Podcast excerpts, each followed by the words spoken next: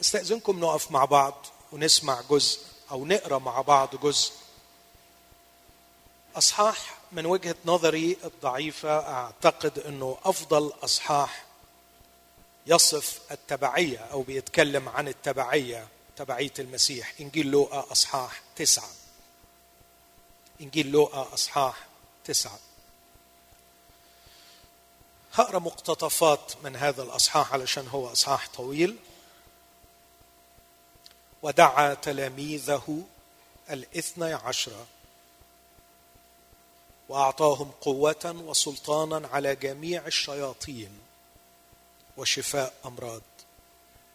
وأرسلهم ليكرزوا بملكوت الله ويشفوا المرضى.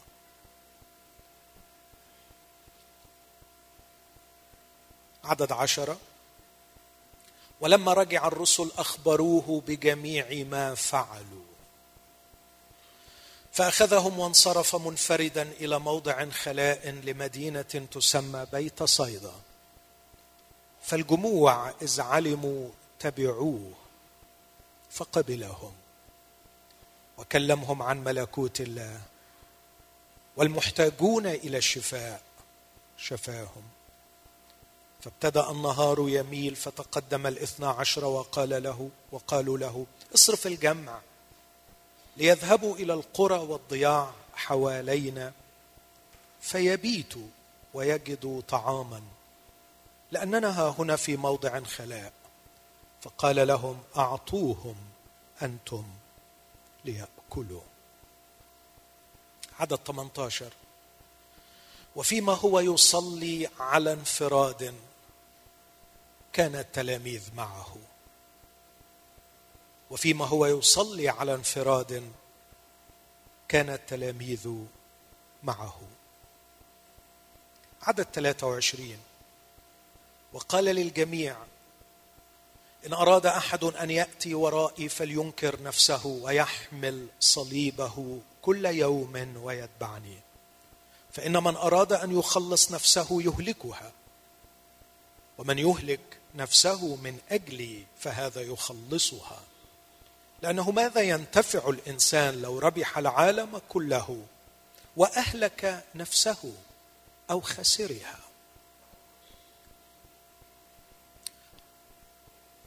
عدد 46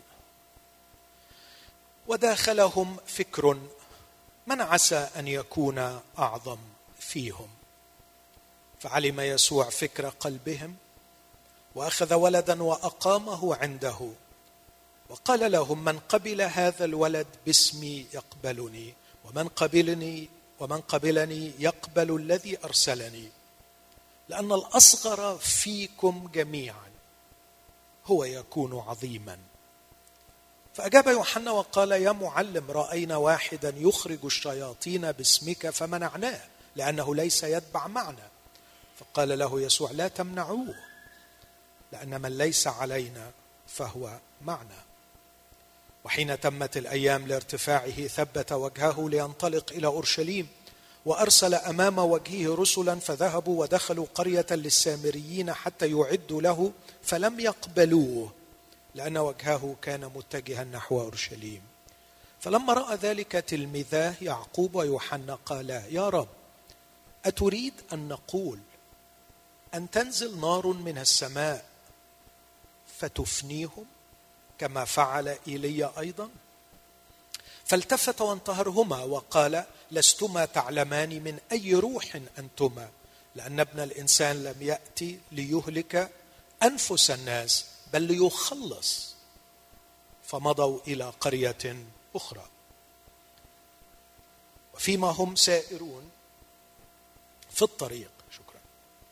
قال له واحد يا سيد اتبعك أينما تمضي؟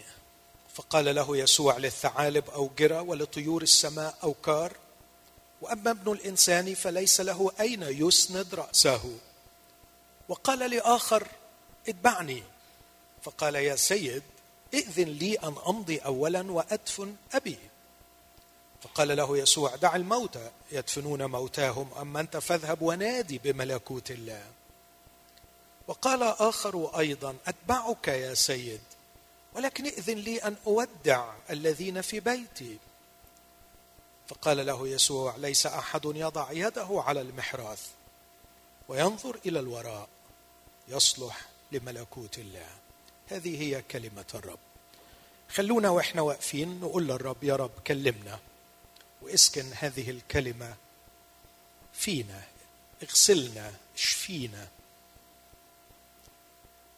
مطهرا إياها بغسل الماء بالكلمة. ومكتوب أيضا أرسل كلمته فشفاهم. أيها الرب الحبيب رأس الجسد رب هذه الكنيسة أتينا إليك في هذا الصباح كأعضاء جسدك كعائلتك المحبوبة كخرافك الذين قبلت رعايتهم؟ آتي إليك مع إخوتي أمام كلمتك المقدسة. راجيا أن تغسلني وتغسلنا بها. وراجيا أن تشفيني وتشفينا بها. أعطي كلمتك قوتها كمطرقة. كنار. أعطي كلمتك قوتها كروح وحياة. لكي تغسلنا وتشفينا تطعمنا تنقينا. لكي نختبر المكتوب أنها قادرة أن تحكمنا للخلاص. حكمنا يا رب. حكمنا من خلال كلمتك المقدسة.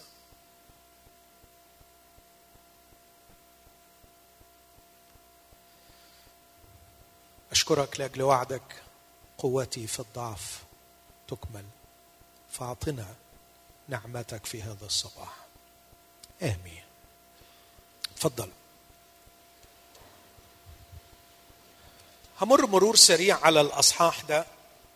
آه وزي ما أشرت أعتقد إنه ممكن يكون أفضل أصحاح في كل العهد الجديد بيتكلم عن التبعية للمسيح فلما نفكر في التبعية ما ينفعش ما نقراش إنجيل لوقا أصحاح تسعة ونعدي فيه كده ناخد منه بعض أو على قد ما نقدر التعليم اللي بشوفها في غاية الأهمية لينا.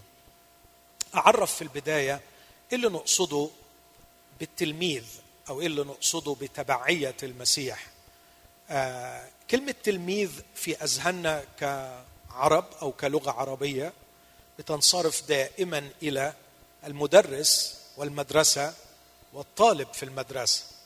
آه لكن الحقيقة الكلمة في أصلها اليوناني وفي استعمالها في ذلك الوقت اللي كان الرب يسوع بيستعمل فيه الكلمة دي تعني شيء أكبر جدا جدا من مجرد طالب في مدرسة قاعد يتعلم من معلم. خطورة التعريف الأول ده إنها بتحصر قضية التلمذة في عملية معرفية تعتمد على معلم شاطر وتلاميذ شطار. والتلميذ الأشطر الأذكى اللي يقدر يجيب درجات أكتر لأنه بيقدر يحفظ أكتر بيقدر يفهم أكتر فتختزل التلمذة إلى عملية معرفية.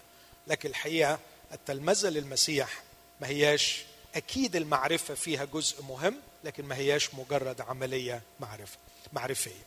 لكن يمكن التعبير الدارج البلدي البسيط اللي ممكن قوي من اللغة العربية العامية المصرية نقدر نشوف إن ده أقرب تعبير للي قصده المسيح هي فكرة الصبي والمعلم. معظمنا فاهم كويس قوي التعبيرات دي. مفيش معلم من غير صبي مش كده؟ ما ينفعش. المعلم محتاج صبي. وشغلة الصبي صبي المعلم مش إنه بيقعد ياخد محاضرة الصبح من المعلم بتاعه. لا. لكن الصبي شغلته أوسع جدا. هو الصبي كل فكره حلمه في النهاية إنه يبقى أسمع منكم يبقى معلم. ما فيش صبي قابل على روحه إنه يفضل طول عمره صبي. هو قابل الصبيانة لأنه صغير لكن حلمه الكبير النهائي هو أنه في يوم من الأيام يحل محل معلمه أو على الأقل يكون معلم زيه وأشطر في السوق. وعلشان يقدر يعمل كده شغلته الأساسية أنه يراقب المعلم. يراقب المعلم. لدرجة أن المعلمين الأشرار يحاول يستخبى وهو بيعمل الشغل من الصبي علشان الولد ما يلقطش الصنعة بسرعة. لكن المعلم الأمين المخلص آه، يفتح نفسه للصبي علشان الصبي يتعلم. واللي بنشوفه إن الصبي مش بس بيتعلم أصول المهنة يعني الجانب الحرفي في المهنة لكن بيتأثر بشدة بشخصية المعلم لأن ال business مش مجرد الجانب الحرفي لكن ال business فيه معاملات مع الناس في علاقات في أخلاقيات في مبادئ في أصول. فالصبي بيشرب روح المعلم وبيشرب الصنعة بتاعت المعلم. شيوخ اليهود لما شتموا الرجل الذي كان مولودا أعمى قالوا له أنت تلميذ ذاك.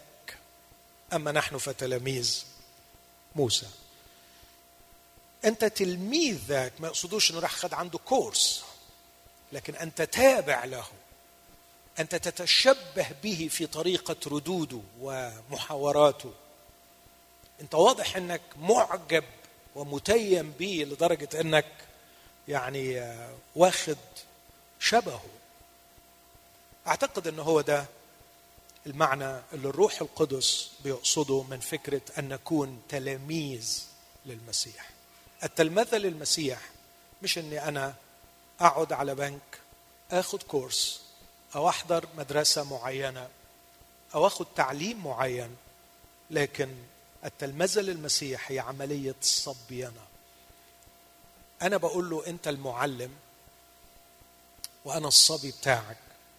وأنا حلم حياتي إني أكون زيك. وأعمل الشغل اللي أنت بتعمله وأرد بالطريقة اللي أنت بترد بيها وأتصرف بالطريقة اللي أنت بتتصرف بيها. وعلشان كده أنا من دلوقتي هحط في دماغي إني أراقبك أراقب أنت بتعمل الشغل إزاي. برضو بسبب سوء الأخلاق بنشوف كتير إنه المعلم بيشخط هنا في الصبي واحيانا يضربه واحيانا يأذيه واحيانا يهينه.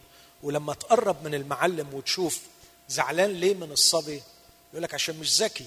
طب إيه اللي كنت عايزه؟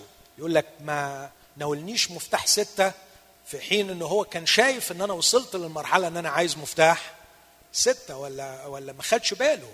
فدي معناها برضو إنه المفروض من نمو العلاقة بين الصبي والمعلم إنه بيقدر يتوقع المعلم عايز إيه دلوقتي وهيشتغل بإيه دلوقتي. آه، وأنا أعتقد إن ده في غاية الأهمية إنه تنمو عندنا حاسة توقع هو المسيح في الموقف ده عايزني أعمل إيه بالظبط؟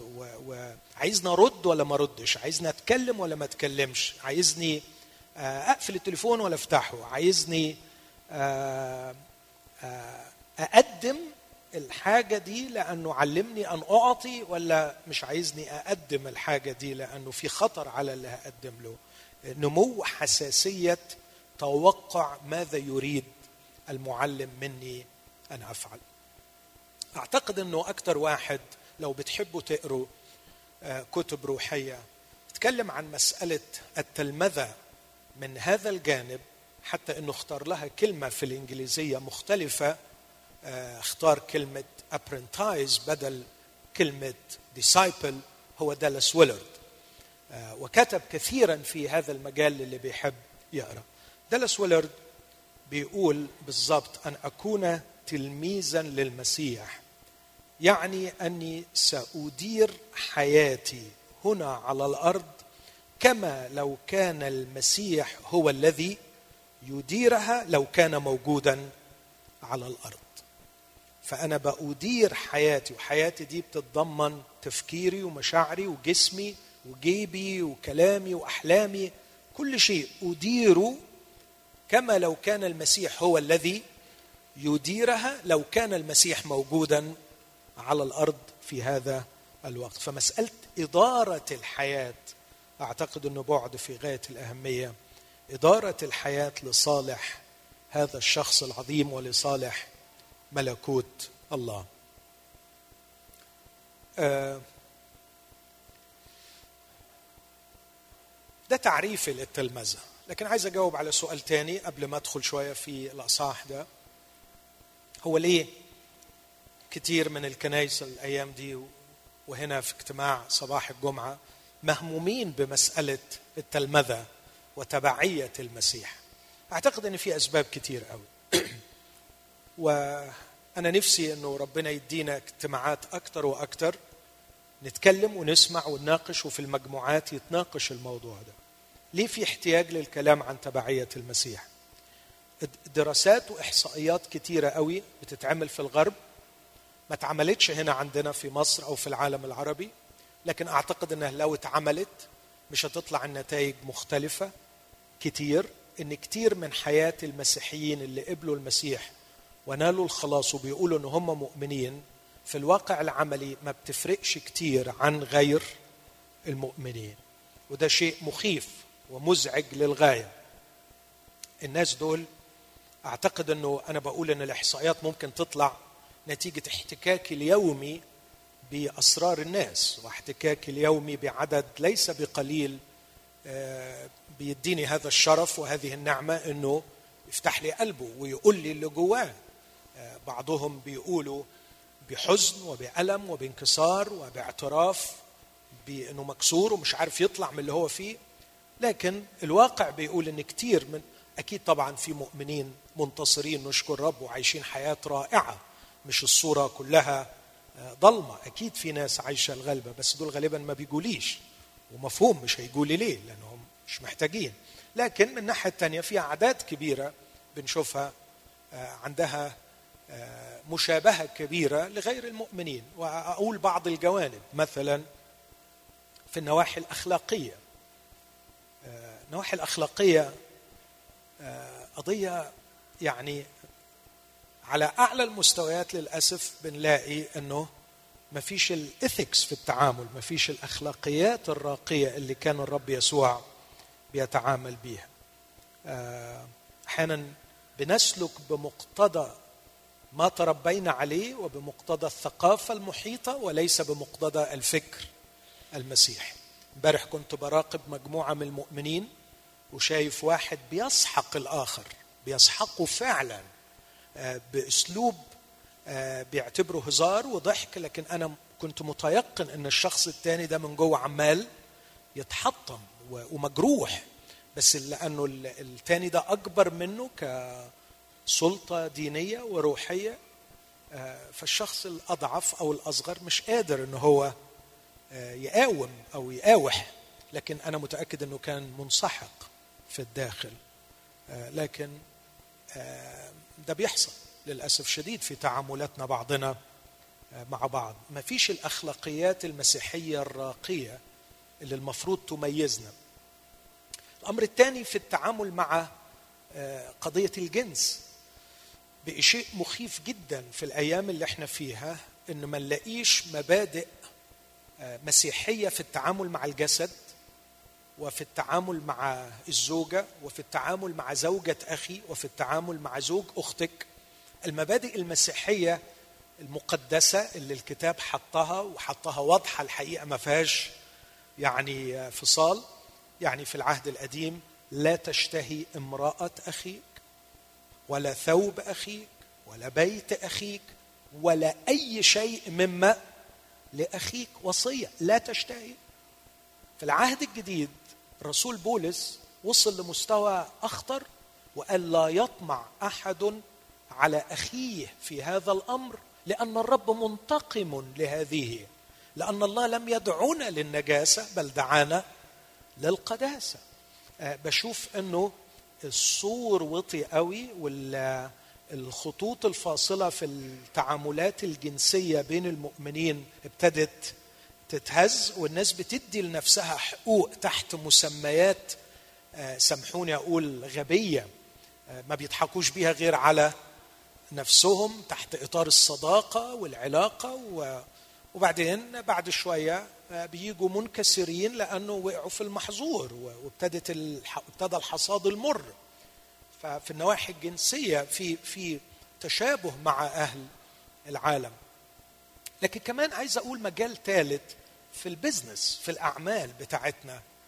أنا شخصيا مقتنع كل الاقتناع آه، إنه لابد أن يكون أولاد الله مميزين في العمل اللي بيسمى مجازا العمل الزمني. آه، لكن أنا ما بشوفوش عمل زمني. أنا بشوف إن العمل هو إرسالية المؤمن في هذه الحياة سواء كنت طبيب مدرس مهندس صاحب مصنع صاحب شغل.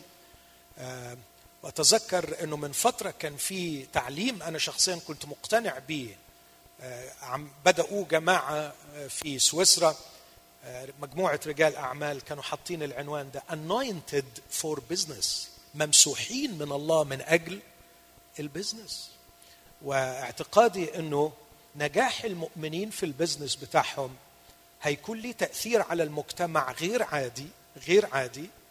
آه، بحلم في يوم من الأيام إن إحنا نوصل بيه لما أسميه افتداء الثقافة redeeming the culture.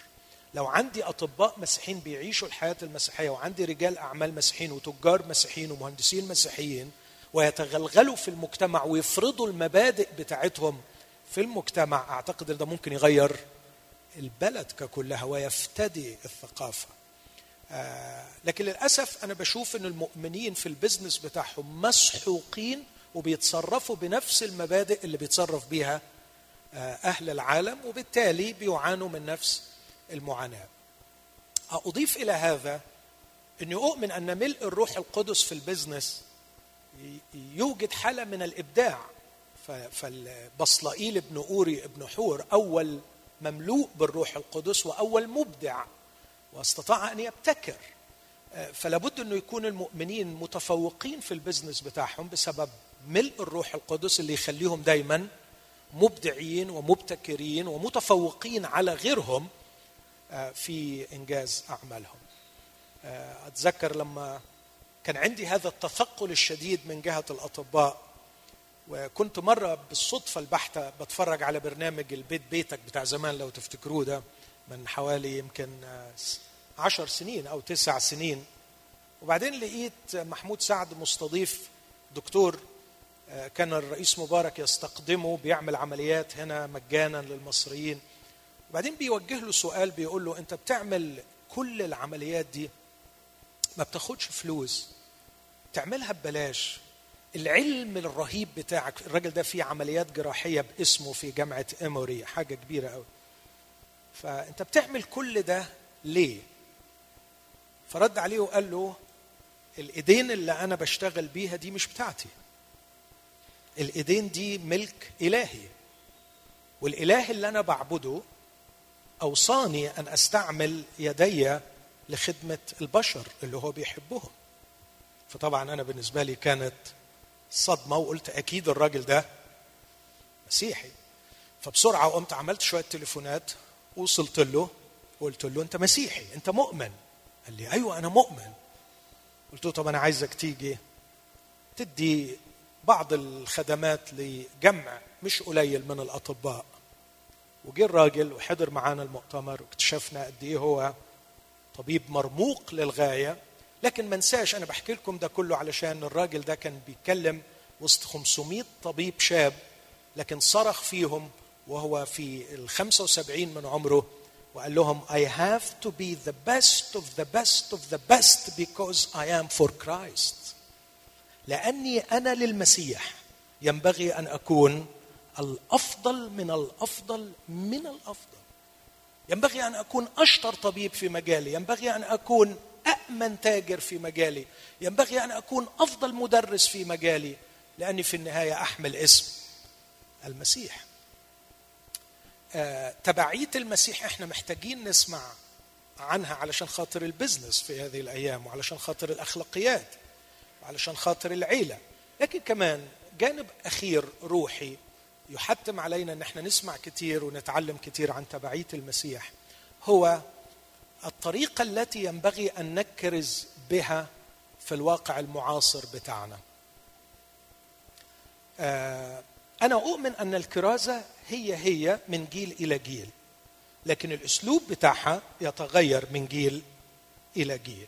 والتحجر التحجر عند أساليب معينة للكرازة نجحت في عصور أخرى على طول بيخليك out of business ينبغي أن تكون حساسا للمرحلة التي نعيشها كيف يريد الله أن يوصل فيها حق الإنجيل.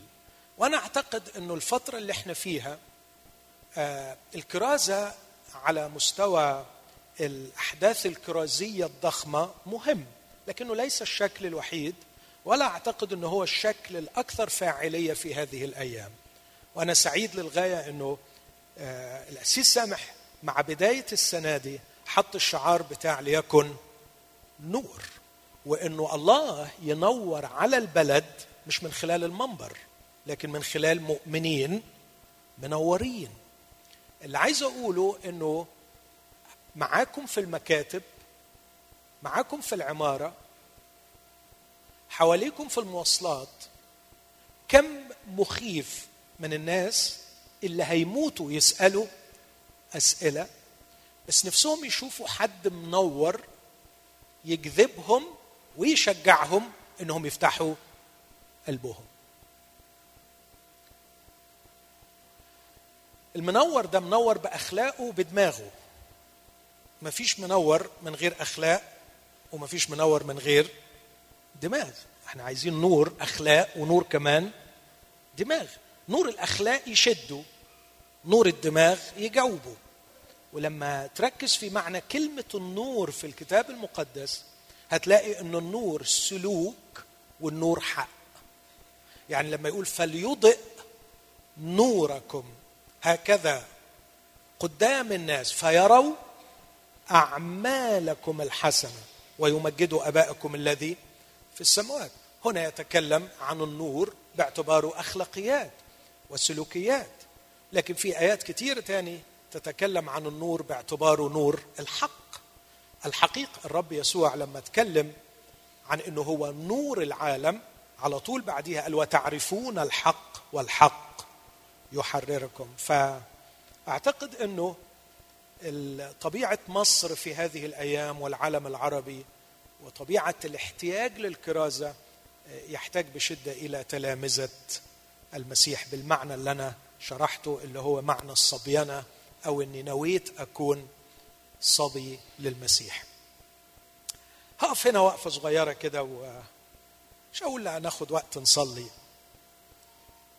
لكن حاول تتخيل كده إنك صبي للمسيح. حاول تعيش التخيل ده. أنا الصبي بتاعه. حاول تعيش الإحساس ده شوية. فكر فيه بقوة. أنا بحب المعلم بتاعي. أنا مقتنع بيه. بصراحة معلم بتاعي أحلى معلم. المعلم بتاعي مالي دماغي. أنا مبهور بالمعلم بتاعي. بصراحة بيعجبني قوي لما بشوفه بيتعامل مع الزباين. بيعرف يجاوب كل واحد بطريقة. المعلم بتاعي أنا أخلاقه واخدة قلبي. المعلم بتاعي بحبه قوي لما بشوفه بيدخل البيوت وبيتصرف إزاي. محترم قوي في دخلة البيوت. المعلم بتاعي عمره ما بيقحم نفسه في حاجة مش بتاعته. أخلاقه رهيبة راقي. جاء واحد وقال له أخويا ومشكلة قال له أنا مين أقامني رئيسا أو قاضيا المعلم بتاعي مش حشري يحشر نفسه في أي حاجة. المعلم بتاعي دخل بيت أحباء مرثا ومريم ومرثا عمالة تعك جوه وقت طويل وطالعه توبخه بكل رقة يجاوبها. وبستغرب قوي إن هو ما ندهاش من بدري وقال لها مرثا اللي أنت بتعمليه غلط. ما بيتعداش حدوده في أي بيت. يدخل البيت بيحترم الناس في البيت. معلم بتاعي بيبهرني بأخلاقه مع الأطفال. قرينا هنا إنه لما أخذ ولد أقامه حد خد باله من العبارة؟ عنده. أقامه مش في الوسط أقامه عنده.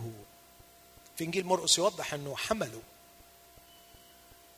قلت كتير الحكاية دي إنه كان مرات يلمس كان مرات يمسك لكن في كل المرات مع الأطفال كان يحضن. فأنا منبهر بذكائه في التعامل مع الناس.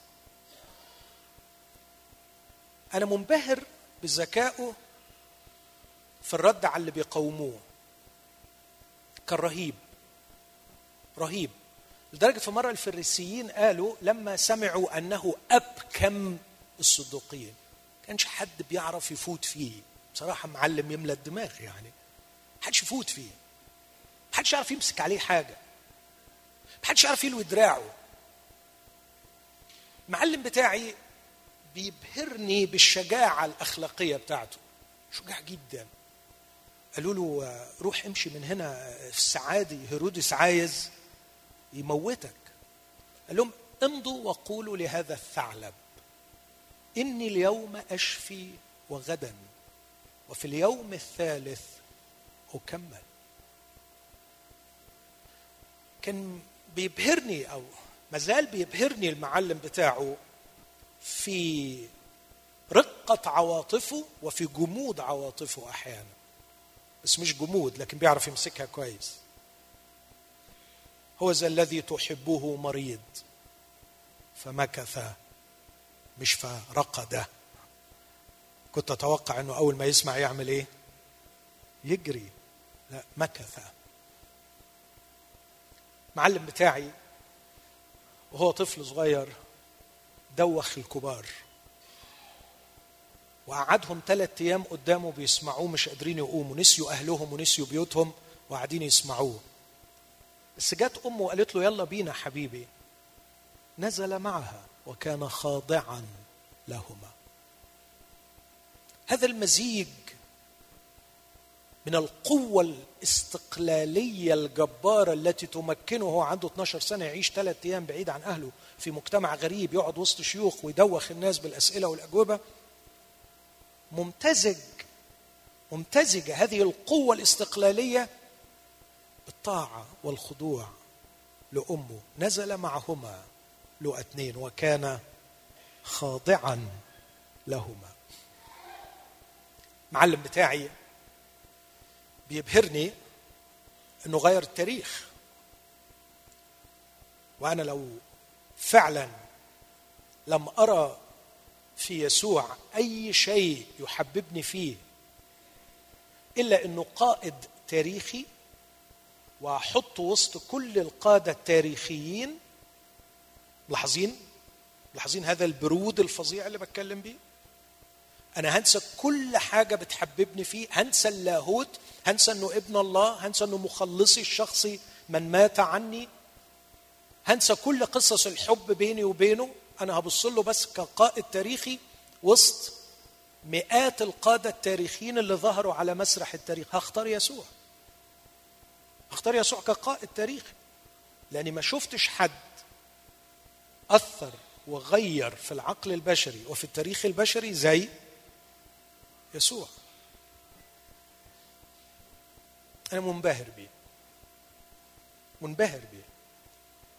وحقيقي حقيقي حقيقي أنا بعتبره يوم الهنا وأسعد خبر إن المعلم ده قابلني إني أكون صبعا بجد بجد إنه يقبل إني اتصبين عنده وابقى الصبي بتاعه وأنا حاطط في دماغي كصبي ذكي إن في يوم من الأيام هبقى زيه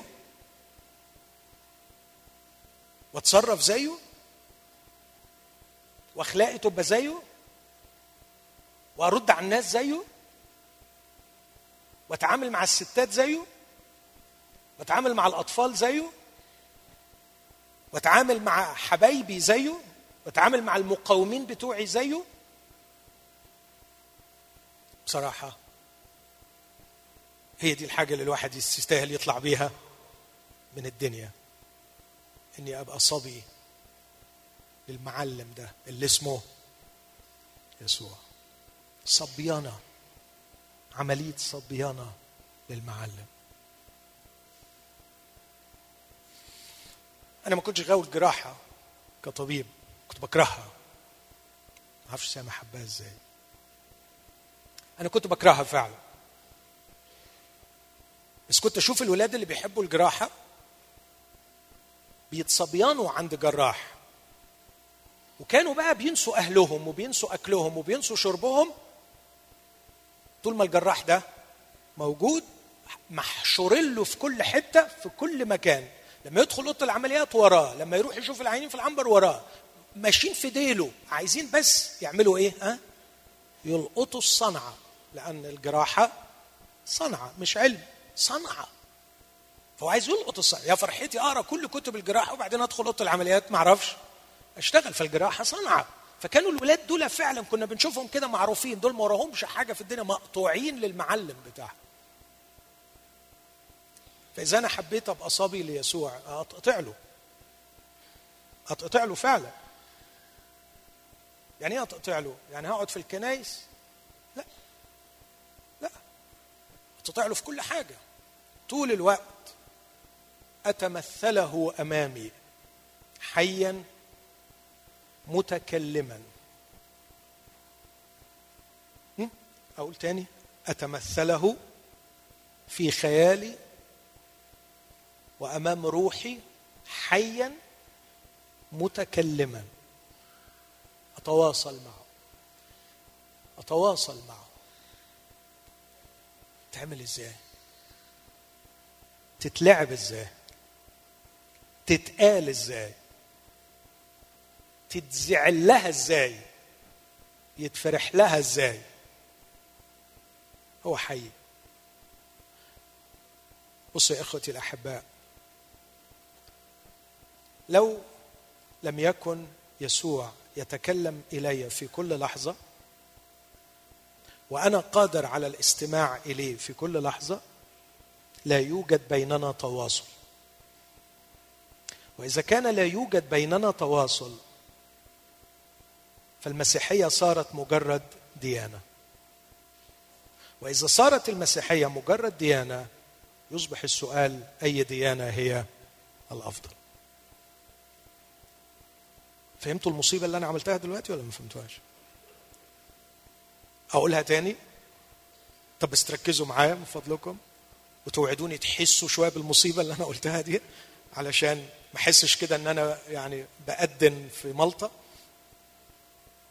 لو لم يكن المسيح يتكلم إلي وأثق أنه يتكلم وأثق إني قادر أن أسمعه لا يكون بيننا تواصل. صح؟ هو بيتكلم ولا أنا بسمع. يبقى في تواصل؟ طيب يبقى أقول تاني الفرضية الأولانية دي. المسيح يتكلم في كل وقت وأنا المفروض قادر أن أسمعه. إذا لم يكن المسيح يتكلم وأنا أسمع لا يوجد تواصل وإذا لم يوجد تواصل صارت المسيحية مجرد ديانة. بتدي لك نصوص تؤمن بيها تدي لك ممارسات تمارسها. وعلى فكرة مفيش أي ديانة اسمع لي بتلزمك أن تتواصل مع واضعها. مفيش. انت مطلوب منك انك تعمل إيه؟ ها؟ تأدي. تلعب الدور المقسوم لك. تؤمن بالعقائد اللي اتقالت لك تمارس الممارسات المطلوبة منك وانت مش مطلوب منك حالة تواصل. ما شفتش واحد بوذي بيقول لي أنا بتواصل مع بوذا كل يوم. ما حصلش. هقول الفرضية دي تاني من الأول. إذا لم يكن المسيح قادر أن يتكلم إلي كل يوم وأنا قادر أن أسمعه. لا يكون بيننا تواصل. وإذا لم يكن هناك تواصل صارت المسيحية ديانة كأي ديانة؟ وهنا يصبح السؤال يا ترى أي ديانة هي؟ الأفضل. المسيحية تقوم على صبينه وتلمذة لمعلم حي موجود بيحبني وجررني من إيده من إيدي وراه علشان أتبعه.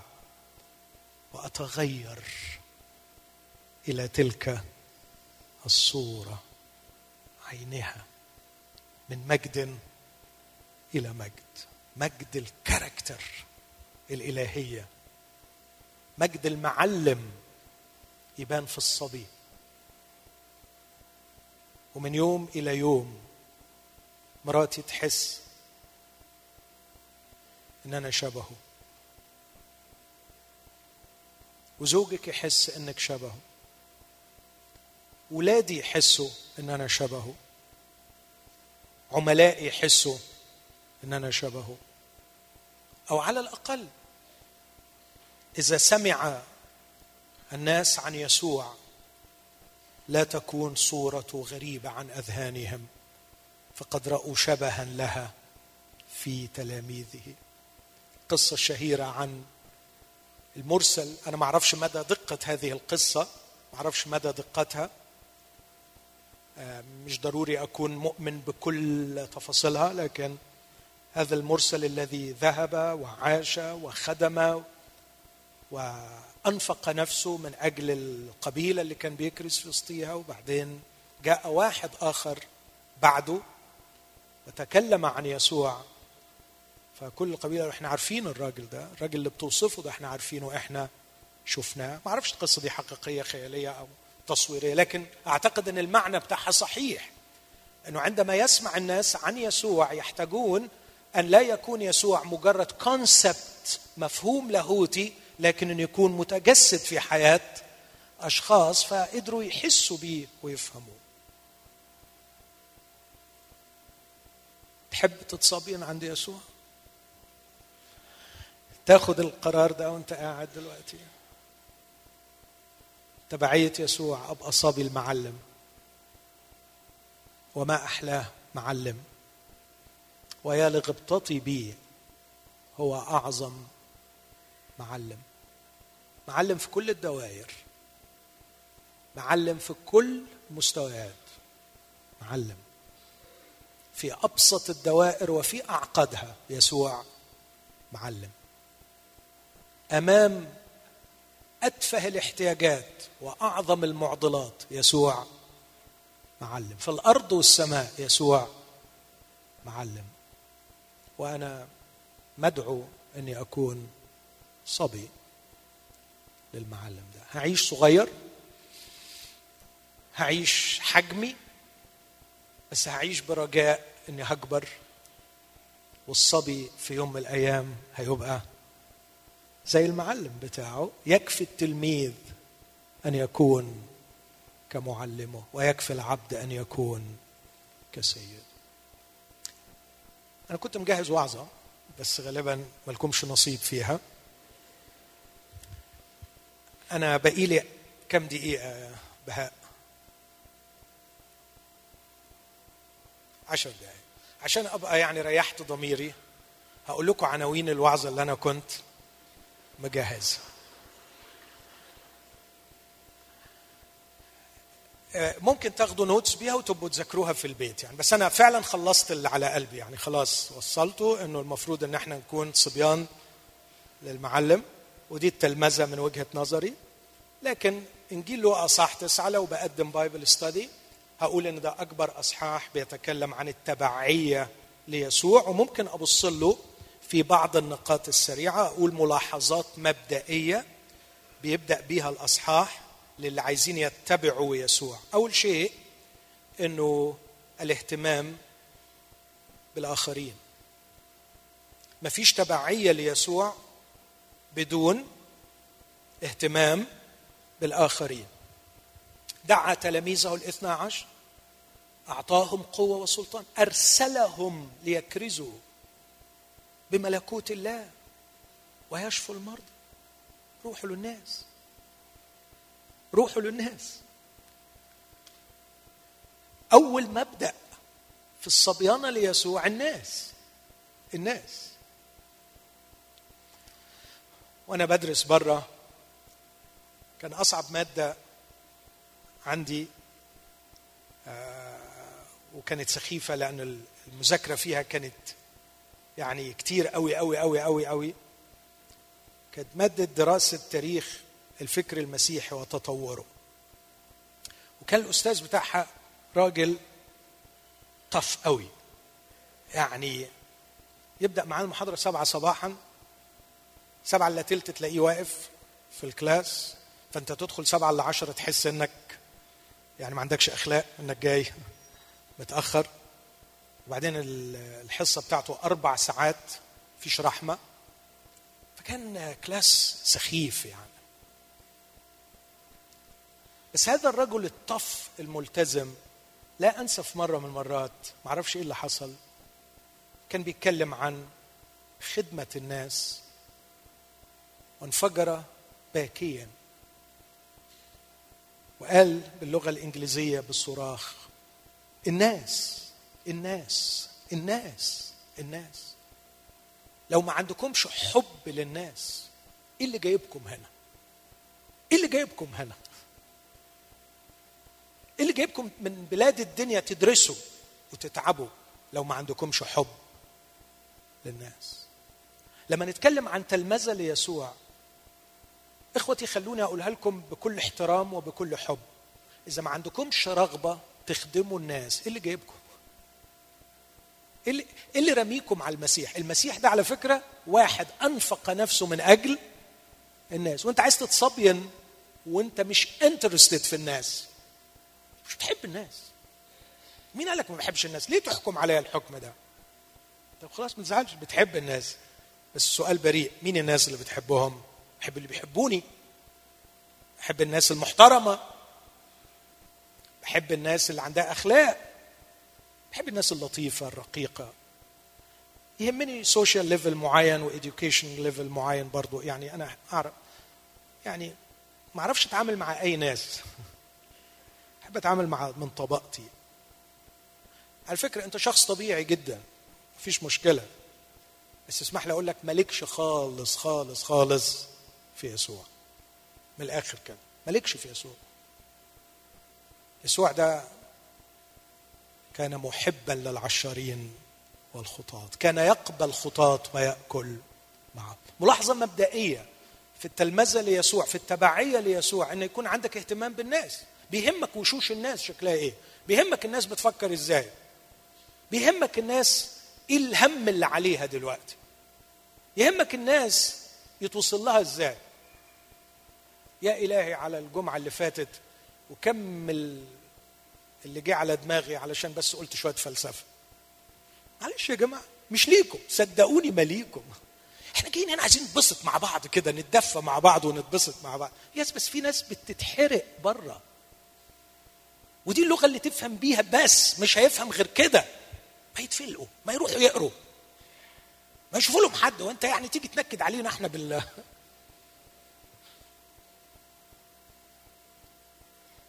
مش بنفكر في الناس. ياما كنايس يريدون شاعر القبيلة الذي يغني لهم أغانيهم ويحكي لهم أمجاد أسلافهم ويعظم لهم في عقائدهم ويعلي من سور الانفصال بينهم وبين بقية خلق الله لأنهم أفضل أمة أخرجت للناس. وليذهب العالم إلى الجحيم. المهم إن إحنا جوه كنيستنا إيه؟ ها؟ مبسوطين بنحب بعض وبنقعد مع بعض وبنسمع العقيدة وبنسمع أغانينا وبنسمع ترانيمنا. والعالم يروح في داهيه إحنا مالنا. لا لا لا لا الحقيقة إحنا مش مالنا. إحنا هنعمل لهم فرصة كرازية كده بس إن شاء الله يعقلوا ويخلصوا يعني. هنجيب لهم واحد واعظ كويس كده ونجيب لهم مرنم كويس بيلم الناس ونعمل لهم كده فرصة بس هم المفروض بقى يخلوا عندهم دم ويجوا يخلصوا بقى ويريحونا من القرف بتاعهم ده. بعدين إحنا كده نبقى عملنا اللي علينا. أنا مش بلومك بس شوف لك حد غير يسوع. يسوع مش بتاع كده خالص. يسوع بتاع شوارع. يسوع كان في الشوارع. كنت بطلب بحث من الاطباء اللي بدرسهم اللي عايزين يخدموا الرب.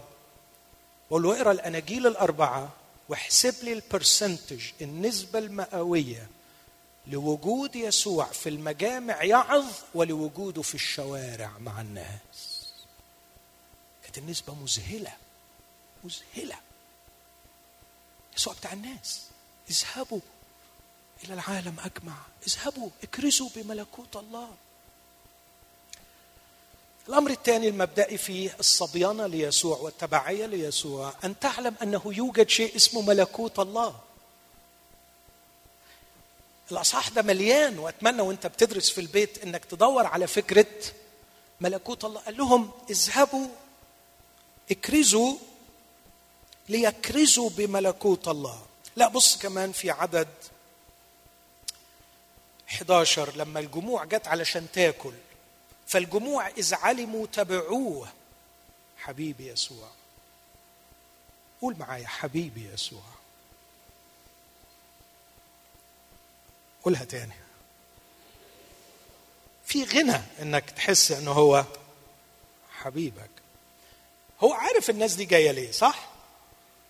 وهو قال لهم في يوحنا 6 على فكرة أنتم تبعتوني ليس لأنكم رأيتم آيات بل لأنكم أكلتم من الخبز وشبعتم اعملوا لا للطعام البائد بل للطعام الباقي الحياة الابديه هو عارف هو فاهم كويس قوي فاهم الفولة واللي فيها. ما أعرفش ليه الفولة مش البسلة بس ما أعرفش. بس يعني ما أعرفش بس يعني مفهوم المقصود. فاهم كل حاجة يعني فاهم المستخبي يعني. بس شوف يقول لك فالجموع اذا علموا تبعوه فقبلهم. فقبلهم. أنا عارف الدوافع الغلط بس بحبكم وأقبلكم. فقبلهم وعمل إيه؟ وكلمهم عن ملكوت الله. إيه إحنا لازم يكون عندنا قناعة شديدة إن في خبر في إنجيل في خبر رائع إن في حاجة النهارده على الأرض متاحة اسمها ملكوت الله. إيه ملكوت الله؟ ملكوت الله ده اللي بنلم فيه ضحايا ملكوت إبليس. أنقذنا من سلطان الظلمة ونقلنا إلى ملكوت ابن محبته يعني أنت متخيل إن في ناس بتتحرق بره؟ في ناس بتتدمر وبعدين في shelter وفي مكان حماية وانت تقدر تشاور تقول تعالى عدي عدي عدي اطلع من تحت سلطان إبليس وادخل في ملكوت الله. ملكوت الله at hand قد اقترب ملكوت الله اقترب مش معنى إنه جاي في الزمن. اقترب يعني بقى at hand يعني بإيه؟ متاح بقى قريب. عدي عدي يا أخي. اطلع من ملكوت إبليس واخلص. عندنا خبر حلو إن في حاجة اسمها ملكوت الله أنقذنا من سلطان الظلمة نقلنا إلى ملكوت ابن محبة. تعالى في داخل ملكوت الله يوجد بر وفرح وسلام وسرور في الروح القدس. تعالى جوه ملكوت الله ليس أكل وشرب لكن فرح في الروح القدس. في حاجة حلوة يا بشر اسمها ملكوت الله. تعالوا ربنا خلى الملكوت متاح وبعدين مفتوح للكل عشرين والخطاط وكل اللي تعبانين. ده الملاحظة المبدئية الثانية إنه في ملكوت موجود.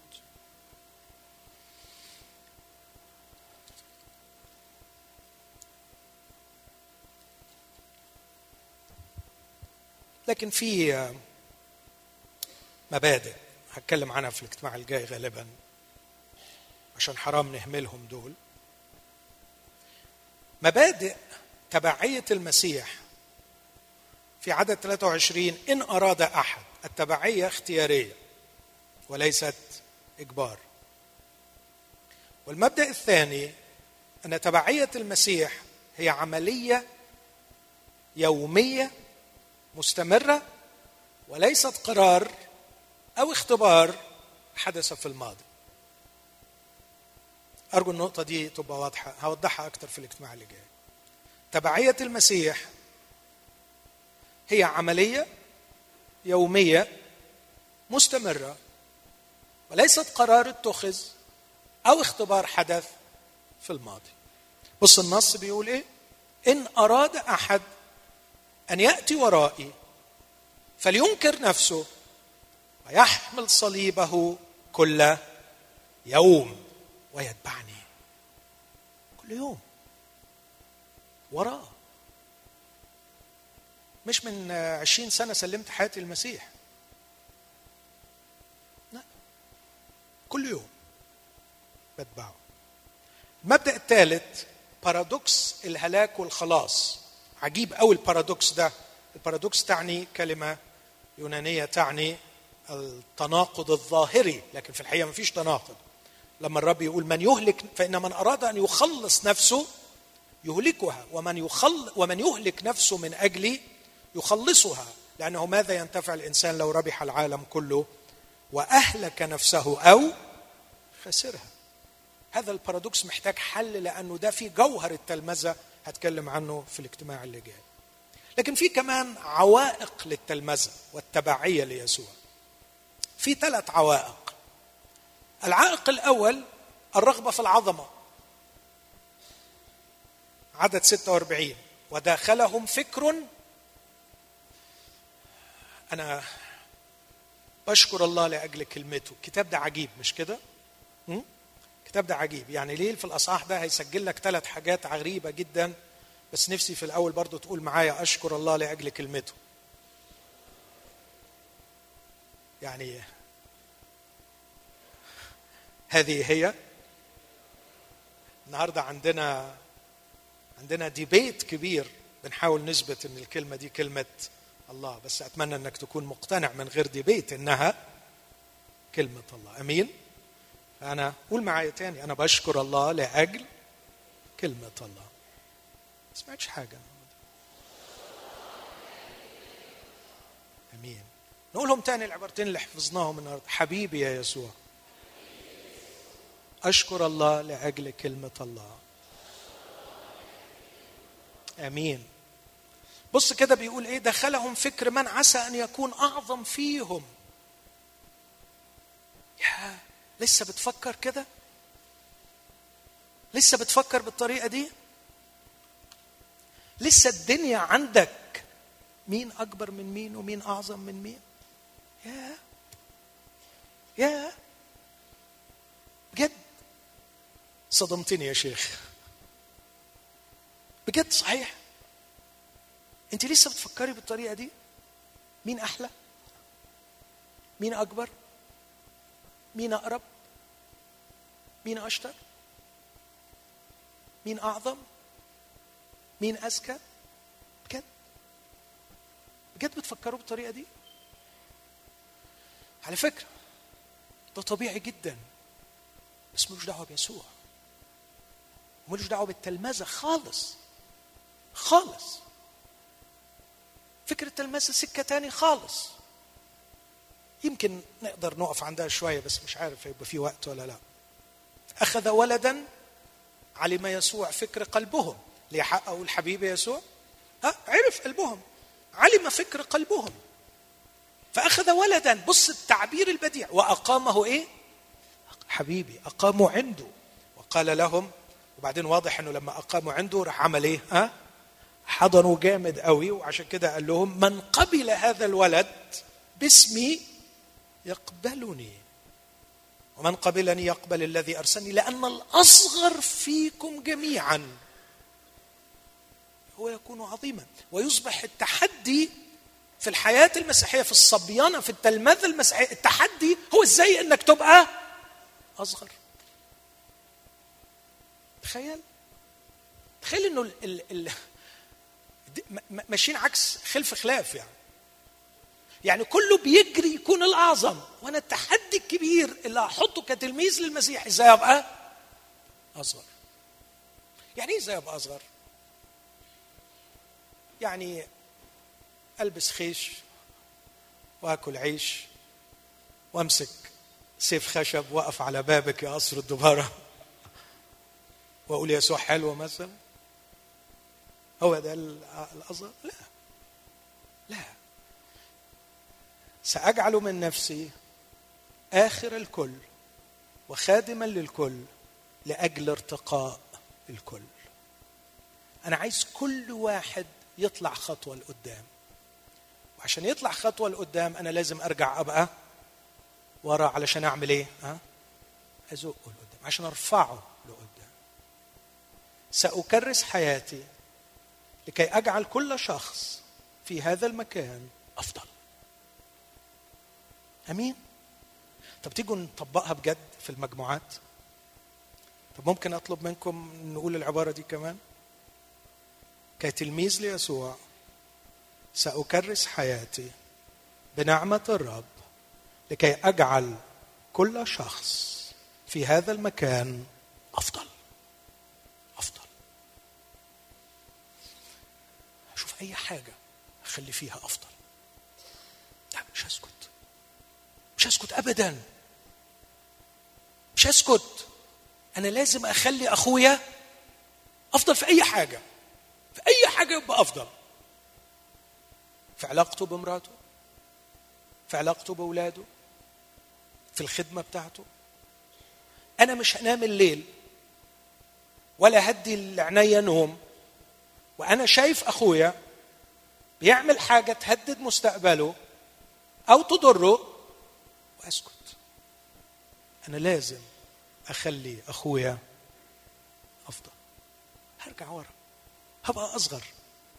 بس المسيح بيقول على فكرة الشاطر اللي يرجع أكتر. الشاطر اللي يصغر أكتر. كل ما تصغر أكتر عشان ترفع غيرك أكتر تبقى هذا هو المبدأ المسيح هذا هو العائق الأول في التلمذة إنك عايز تكون أعظم. وعلى فكرة ده موجود في الكنائس. ما بيفهموش. كسعمهم كلهم واطلع على دماغهم من فوق. ليه يا حبيب قلبي؟ عشان أنا لا بفهم. اسم الله عليك ما جابتكش ولاده. اسم الله عليك. اسم الله عليك فعلا. ما أعرفش مين اللي ضحك عليك وفهمك كده. اسم الله عليك. فعلا نفسنا يعني ألف اسم الله عليك. إن شاء الله كلمة اسم الله عليك تطلعك من اللي أنت فيه. الوهم إن أنت ليه يا حبيبي؟ ليه؟ ليه؟ ليه حاسس إنك أفضل؟ وليه بتضيع وقتك إنك تكون أعظم؟ ليه يا ابني بتعمل كده؟ أنت عارف معنى كده إيه؟ معنى كده إنك هتدمرهم وهتدمر. هي كده آخرتها. صدقني صدقني آخرتها. طالما إنك حاسس أفضل. إنك أفضل. وعايز تبقى أفضل أنت مش تعمل غير حاجتين في دنيتك. هتدمرهم وفي الآخر هتدمر نفسك. خد مبدأ يسوع. لا أنا الآخر وهخليهم أفضل. هم هيطلعوا لقدام وأنت تبقى أعظم. العائق الأول هو الرغبة في التعظم على حساب الآخر. العائق الثاني وراه على طول. يقول الكتاب فأجاب يوحنا وقال يا معلم رأينا واحدا يخرج الشياطين باسمك فمنعناه لأنه ليس يتبع معنا. فقال يسوع لا تمنعوه لأن من ليس علينا فهو معنا. العائق الثاني إقصاء الآخر. الشر الأولاني الرغبة في التعظم على حساب الآخر. الشر الثاني اللي عطل التلمذة هي إقصاء الآخر. ودي غالبا برضو داخلة من الباب الخلفي كرغبة للتعظم. فأنا مش قادر أبقى أعظم في ذاتي هبقى أعظم في طائفتي ألم مجموعة من الناس كده وأقول دول بتوعي دول الحزب بتاعي والحزب بتاعي أفضل من الحزب بتاعه فإحنا رأينا شخصا يخرج الشياطين باسمك. فكر في الحكاية دي. أرجوك فكر فيها. أولا في شيطان طلع. بتغلب ولا ما اتغلبش؟ اتغلب. طلع باسم يسوع. يسوع اتعظم ولا ما اتعظمش؟ اتعظم. الراجل اللي طلع منه الشيطان ارتاح ولا ما ارتاحش؟ طب انت فقري ليه؟ طب هقولهم لك تاني. الشيطان اتغلب. يسوع اتعظم. الراجل انت إيه اللي مضايقك؟ إيه اللي؟ إيه اللي؟ مش معانا. ما ينفعش. ما ينفعش حد يعمل حاجة حلوة ما يبقاش معانا. يا دي المصيبة. مين قال مين علمك التعليمة السوداء دي؟ مين علمك العلام الأسود ده؟ ده غلط. أنت عمرك ما هتعرف تبقى تلميذ ليسوع. أنت ممكن على فكرة تبقى رئيس ديني كبير بالطريقة دي بالمنهج ده. ممكن تبقى حاجات ضخمة جدا. بس عمرك ما تبقى صبي لمين؟ بص المعلم بتاعنا بقى. لا تمنعوه. لا تمنعوه. إنه ليس يتبع معنا. مش من حزبنا. مش من طائفتنا لا تمنعوه. من ليس علينا فهو معنا. Inclusive. مش exclusive. لو تحب تقرأ في الموضوع ده أكتر في واحد اسمه ميروسلاف فول رجل لاهوتي عظيم من صربيا على ما أعتقد عانى كثيرا من الحروب الأهلية وقلبه موجوع. لكن بإلاهوتي عظيم ومرموق في العالم. كتب كتب كتير في هذا الاتجاه. قال إن يسوع غير مفهوم الخطية. كان مفهوم الخطية عند كل اليهود to exclude الشخص الخاطي تبعده. يسوع غير المفهوم وجعل العازل هو الخاطي اللي بيعزل الآخرين هو الخاطي فكان في مواجهة دائمة مع الفريسين والفريسين هم العازلين أنفسهم. العائق الثاني أمام التلمذة الرغبة في إقصاء الآخر. العائق الثالث وأختم به مرعب. ولازم يجي نتيجة للاثنين اللي فاتوا إفناء الآخر. التعظم على حساب الآخر إقصاء الآخر حتما تيجي النتيجة اللي بعديها إيه؟ أه؟ إفناء الآخر. وبص وإفناء كتابي. وبالإيمان يا أخي. صدقني بالإيمان. طب تعالوا بصوا كده. حين تمت الأيام الارتفاع عدد 51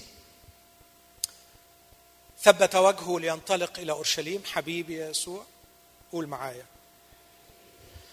ثبت وجهه نحو أورشليم عشان مش رايح يركب الحمار ويهيصوا له لكن ثبت وجهه نحو أورشليم لأنه رايح يتصلب. حبيبي جميل جميل محترم رائع أسد. آه رايح يتصلب بس رايح رافع رايح مثبت وجهه. مش يعني كده على غفلة خدوه صلبوه. لا لا لما تمت الأيام هو اللي رايح لها. هو عارف جاي ليه وعايز يعمل إيه. بس هو رايح في السكة كان نفسه يبشر السامريين. فأرسل أمام وجهه رسلا ذهبوا ودخلوا قرية للسامريين حتى يعدوا له فلم يقبلوه لأن وجهه كان متجها نحو أورشليم. فلما رأى ذلك تلميذا يعقوب ويوحنا قال مين اللي هيتكلم هنا؟ يعقوب ويوحنا. دول تلاميذ ليسوع. بس للأسف ما كانتش عملية الصبيانة اكتملت. كانوش لسه بقيوا تلاميذ بحق. فقالوا له هذه الكلمات. يا رب أتريد أن نقول أن تنزل نار من السماء فتفنيهم كما فعل إيليا أيضا؟ يعني مش عايز أطول في النقطة دي. بس بصراحة مش قادر أحوش نفسي. اتريد يا رب أتريد أن نقول اولا أنتوا ليكوا ساعة كان منظركم يعني مش عايز أغلط. منظركم بايخ قوي قدام الواد اللي فيه شيطان وما عرفتوش تطلعوا فجأة دلوقتي هيحل عليكم الإيمان تجيبوا نار من السماء زي ما إيليا عمل. يا سبحان الله. يعني العيل فيه شيطان معذبه بيرميه في النار مش عارفين. والراجل جاي يشتكي له ويقول له الحقني. قدمته لتلاميذك وما عرفوش يعملوا حاجة. تعرف تعمل حاجة أنت؟ تعرف تعمل حاجة؟ قال له إن كنت تستطيع أن تؤمن فكل شيء مستطاع. يعني الراجل غلط في المسيح حتى وشك في المسيح بسبب الخيبة بتاعت ما هو الصبيان مش عارفين يعملوا حاجة فمش بعيد المعلم كمان ما يعرفش يعمل حاجة. بس دلوقتي حل عليهم كل الإيمان اللي يخليهم زي إيمان إيليا يقدروا يجيبوا. يا سبحان الله. إنقاذ عيل ما فيش إيمان. إفناء خلق الله الإيمان يجي وبكره أنت بس قول وإحنا نجيب. إحنا الإيمان موجود والحمد لله ما عندناش مشكلة خالص. إحنا اللي منعنا بس من إن إحنا نجيب إيمان نجيب نار من السماء إن أنت ما قلتش. لكن الإيمان الحمد لله اللي موجود موجود متوفر ما تقولش هم الإيمان خالص. طب كنتوا عملتوا حاجة مع العيل الغلبان؟ وحوش عند افناء الآخر أقزام عند خدمة الآخر وحب الآخر. والتضحية بالآخر. لا وطبعا علشان تبقى كتابية نفنيهم. بص التعبير اللي استعملوه نطلب نار من السماء تعمل إيه؟ ها؟ يعني مش تلسعهم حتى مثلا ولا تخوفهم ولا لا رغبة مدمرة في الداخل. وده هيجي نتيجة حتمية للتعظم على حساب الآخر ولإقصاء الآخر. إفناء الآخر وبالكتاب كما فعل إليه. يعني بعد ما يحرقهم نقول له إزاي تحرق الناس؟ يقول لك كتابية. ما ايليا قبل كده حرقوا فيها إيه؟ وبعدين يسوع أعظم من ايليا على فكرة. فايليا حرق ويسوع ما يحرقش ليه يعني؟ أقل منه يعني؟ لا ايليا يحرق ويسوع يحرق. أنت طبعا أنا بقولها بصورة كاريكاتيرية شوية فأنت مستبعدها بس أنا عايز أقول لك بتحصل منك ومني. لأن هي سلسلة لا تنفصل. إذا ظبطت روحك في يوم من الأيام بتحاول تتعظم على حساب حد تاني دور على اللي أفنتهم في مشوارك الطويل. دور وهتلاقي. هتلاقي روحك سحقت كم واحد وفنيت كم واحد وانت مش واخد بالك. لأن هي سلسلة ثلاثة ورا بعض أتعظم على حساب الآخر. أقصي الآخر أفني الآخر. يا ما شفت مؤمنين ضحايا مؤمنين. أكثر ما شفت مؤمنين ضحايا أشرار. يا ما شفت مؤمنين متجرحين من مؤمنين أكثر ما شفت مؤمنين متجرحين من أشرار. أرجوك ما تاخدهاش حجة وتقول أيوة أيوة أيوة بس أنت جرحت برضه ناس. هذه عوائق التلمذة. لكن في تطبيقات عملية ثلاثة للتلمذة ثلاثة يقولوا له اتبعني. أتبعك أو هو يقول لهم اتبعني. وكل حالة كانت مختلفة عن الثانية نكمل في الاجتماع اللي جاي. فين بيبو؟ اختفى بيبو؟ شايفينه؟ يعني بيبو ما يختفيش يعني. طيب خلونا نقف. ناخد وقت. نركز فيه على صلوتين أو ثلاثة بالكثير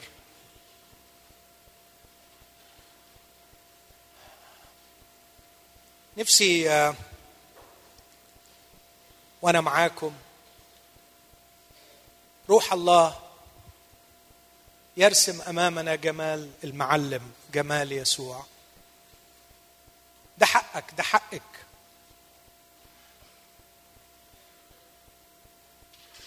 نفسي كده روح الله ياخدنا في رحلة جميلة.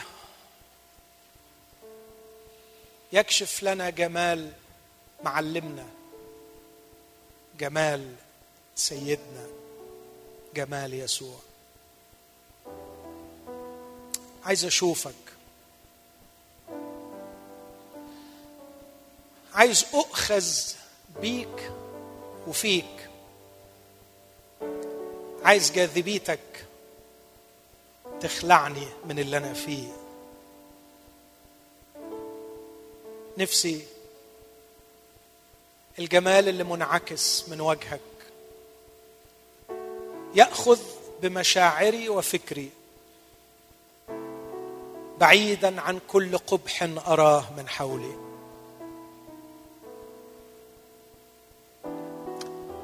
عايز أشفى محتاج أشفى بجمالك. وسط مناظر القبح التي أراها في نفسي. والقبح المنتشر من حولي.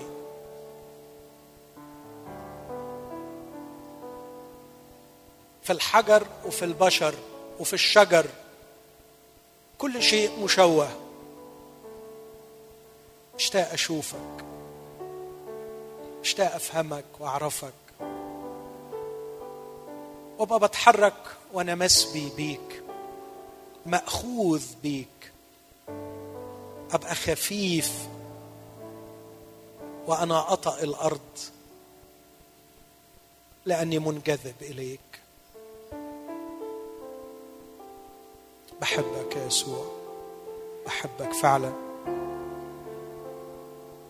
مشتاق أتغير. حلمي وأملي أبقى زيك. حتة صغيرة منك.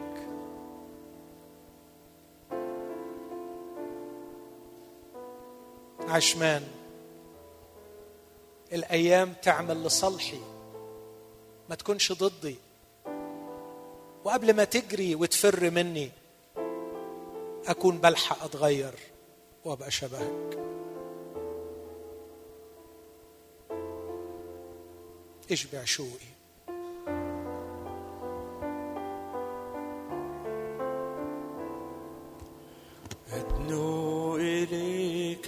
done.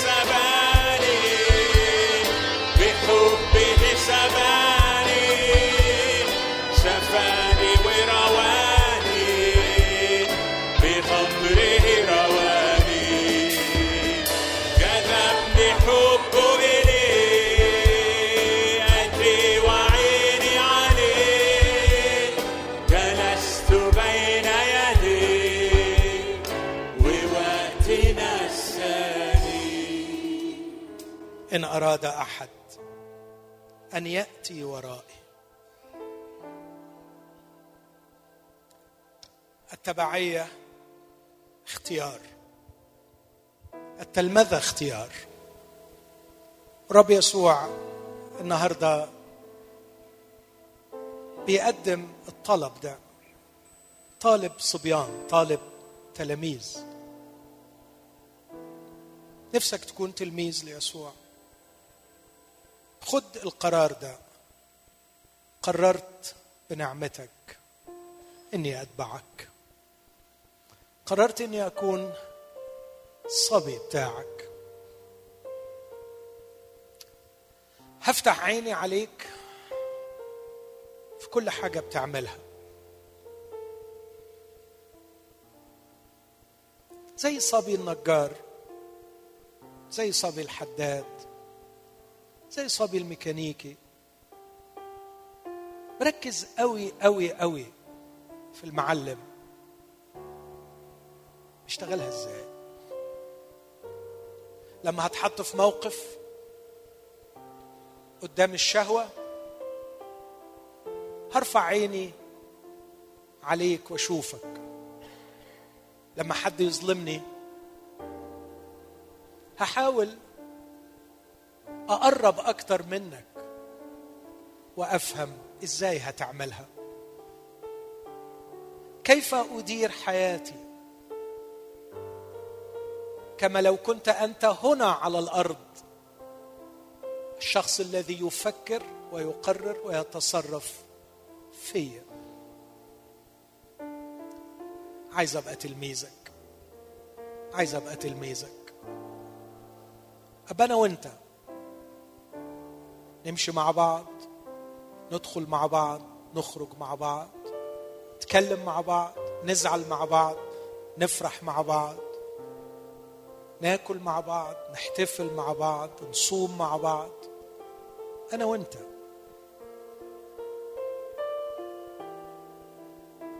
أنا مش هعيش. عمري اللي جاي بالطريقة اللي عشتها قبل كده. لكن عايز أعيش. صبي معلم تلميذ ليسوع. باخد القرار ده يا رب. باخده. باخده. بقرر بنعمتك. خد القرار ده ومعاه على طول. خد قرار تاني. إنك تكون الأصغر. وحط حد في ذهنك هترفعه علشان يكون أفضل. كده نبقى بدأنا التلمذة الحقيقية ليسوع. هخلع ثيابي. سآخذ من شفا وأتزر بها. سأتبعك يا سيدي أصب ماء في مغسل. وأغسل أرجل عبيد سيدي. افتح عيني على تلميذ من تلامذتك محتاج سندة محتاج رفعة. افتح عيني على واحد واقع أمسك إيده. افتح عيني على واحد اتكحرت لورا خالص أروح اقعد جنبه. سامحني مش هصارع تاني علشان اكون قدام. هصارع اني ارجع وانزل واخضع لكي ارفع آخرين تفرح بيهم وبيا. تلميذك يا حبيبي تلميذك من النهارده. وبنعمتك هتشوفني شخص مختلف يفرح قلبك.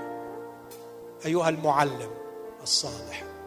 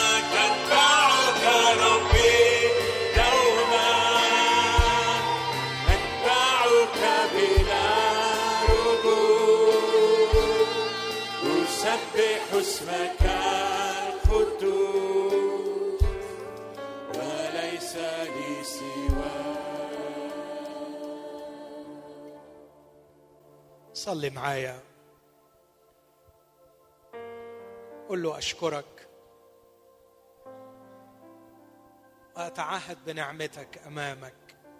إني أسبحك بين الأمم وأجدو لك بين الشعوب. أسبحك بين الأمم ليس في قاعة الكنيسة فقط. أسبحك بنظراتي الطاهرة. بيدي النقية أسبحك. أظهر خصالك أيها المعلم. وأشهد إني عبدك وابنك وتلميذك بطهر نظراتي بنقاوة يدي بصدق كلامي بقوة إبداعي وعقلي بقداسة جسدي سأسبحك. لن أسبحك بكلمات رخيصة لا تكلفني شيئا. لكني سأسبحك بأوتار حية تعزف عليها يا روح الله اسم يسوع. تصبح كل حياتي وملكاتي ومواهبي وإمكانياتي تسبحك تظهر حسنك فتمدح من الشعوب بسببي. تمدح. تمدح. ويتم المكتوب لأن اسمي مسبح من مشرق الشمس إلى مغربها من خلال أولادك.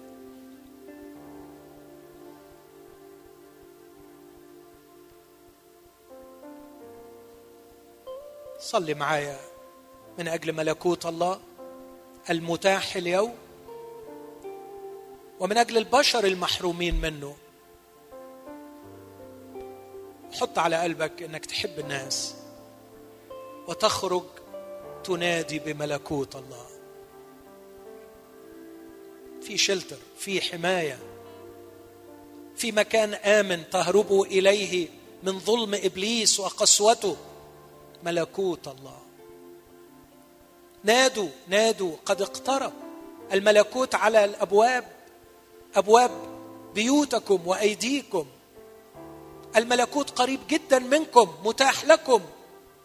قول لكل شخص مسحوق ادخل إلى ملكوت الله.